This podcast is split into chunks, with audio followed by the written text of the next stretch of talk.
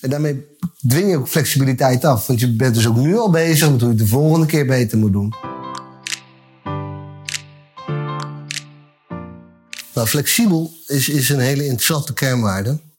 Flexibel is, uh, zou je kunnen beschrijven als de, de, de, de, de, het vermogen om te kunnen veranderen.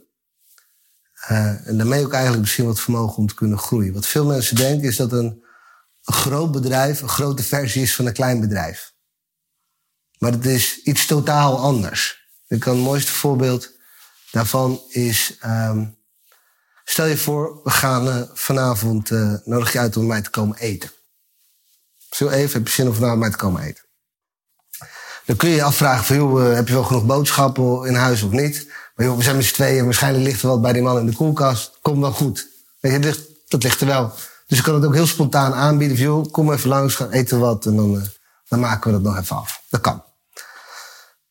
En ja, wie had dat gedacht? Ik heb ook inderdaad een keuken en een pan en er ligt nog wat in de koelkast. Dus dat, dat, dat gaat ook helemaal goed. Ik heb zelfs al twee schone borden.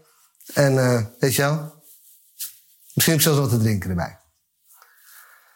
Totdat we in één keer met uh, Team Merk, we zijn met z'n achten,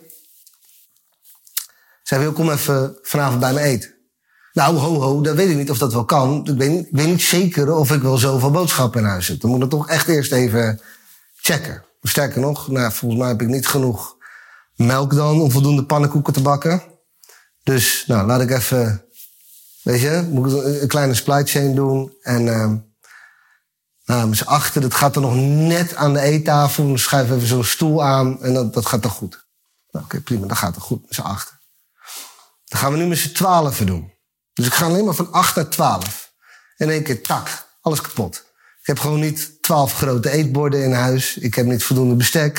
Ik heb niet voldoende melkglazen. Ik heb, weet je, niet voldoende... En ik ga een helemaal zo'n magisch puntje. En ik ga dan alles gewoon in een eten... Dus dan moet je, weet ik wel, lopend buffet gaan doen. Of we moeten een ander type bestek gaan doen.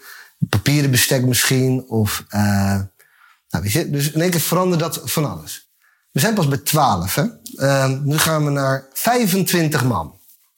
Nou, 25 man, sorry, weet je, dat kan ik niet eens proberen voor te gaan. Ik heb gewoon letterlijk de pannen niet, het kooktoestel niet, om daarvoor te gaan koken. Weet je, dus dan, nou, misschien moet uitbesteden, catering, of we moeten iets wat je in twee dagen kunt maken, moet je dan gaan doen. Dus het gaat weer een hele andere, als je het boodschappen doen, dat kan dan ook niet meer op de fiets. Dus we moeten met de auto gaan doen.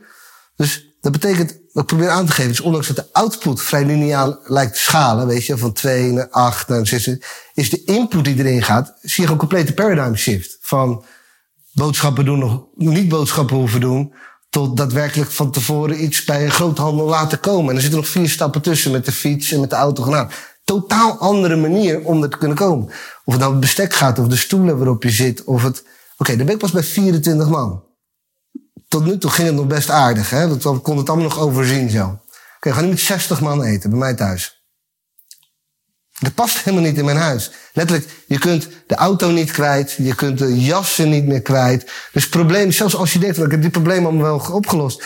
Blijken er bij iedere schaal een compleet nieuw, het jassenophangprobleem. Hè?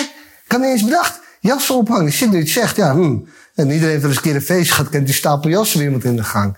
Nou, de meeste feestjes bij mensen thuis nog steeds met 30, 40 man. 60 is echt gewoon een gang vol met jassen. Oké, we zijn nu de 60. We gaan nu naar 150. En dan moet je op zoek naar zaaltjes. Het eerste wat je moet doen is gewoon een locatie waar ze überhaupt 150 man kwijt kunnen. We hebben 150, hè? Dan gaan we nu naar 350. Nou, dan kun je ieder restaurant in Rotterdam kun je al bijna afschrijven. Nou. Oh ja, we zijn inmiddels bij 3.500 bij Coolblue. En iedere schaal heb je al die losse elementen heel vaak weer op een nieuwe manier moeten aanvliegen. En op een nieuwe manier moeten verzinnen. Dus een klein bedrijf en een groot bedrijf is niet een grote versie. Op outputniveau lijkt het lineair zo. Maar al die inputvariabelen betekent dat ieder onderdeel... Dus neem nou bijvoorbeeld... Uh, stel je voor, jij was verantwoordelijk voor uh, uh, koken. Wat je daarvoor moet kunnen, is totaal anders. Op een paar moet een keukenbrigade van 80 koks aan kunnen sturen. Dat allemaal tegelijkertijd uitgeserveerd kan worden, weet je wel. Dat is wat anders dan dat je zelf lekker kan koken. Het lijkt niet eens op elkaar. Um, dus terug naar het woordje flexibel, waarnaar je vroeg. Dat betekent dus dat je ieder subonderdeel om die output te realiseren moet extreem flexibel zijn. Dan moet bereid zijn om naar zichzelf te kijken en zichzelf te transformeren. Nog wat. Zeker niet alleen de bereidheid hebben, maar zelfs de ambitie moeten hebben om het elke dag een beetje beter te worden. Zeker ook als je op een bepaald moment in je cultuur gelooft dat de groei een gegeven is.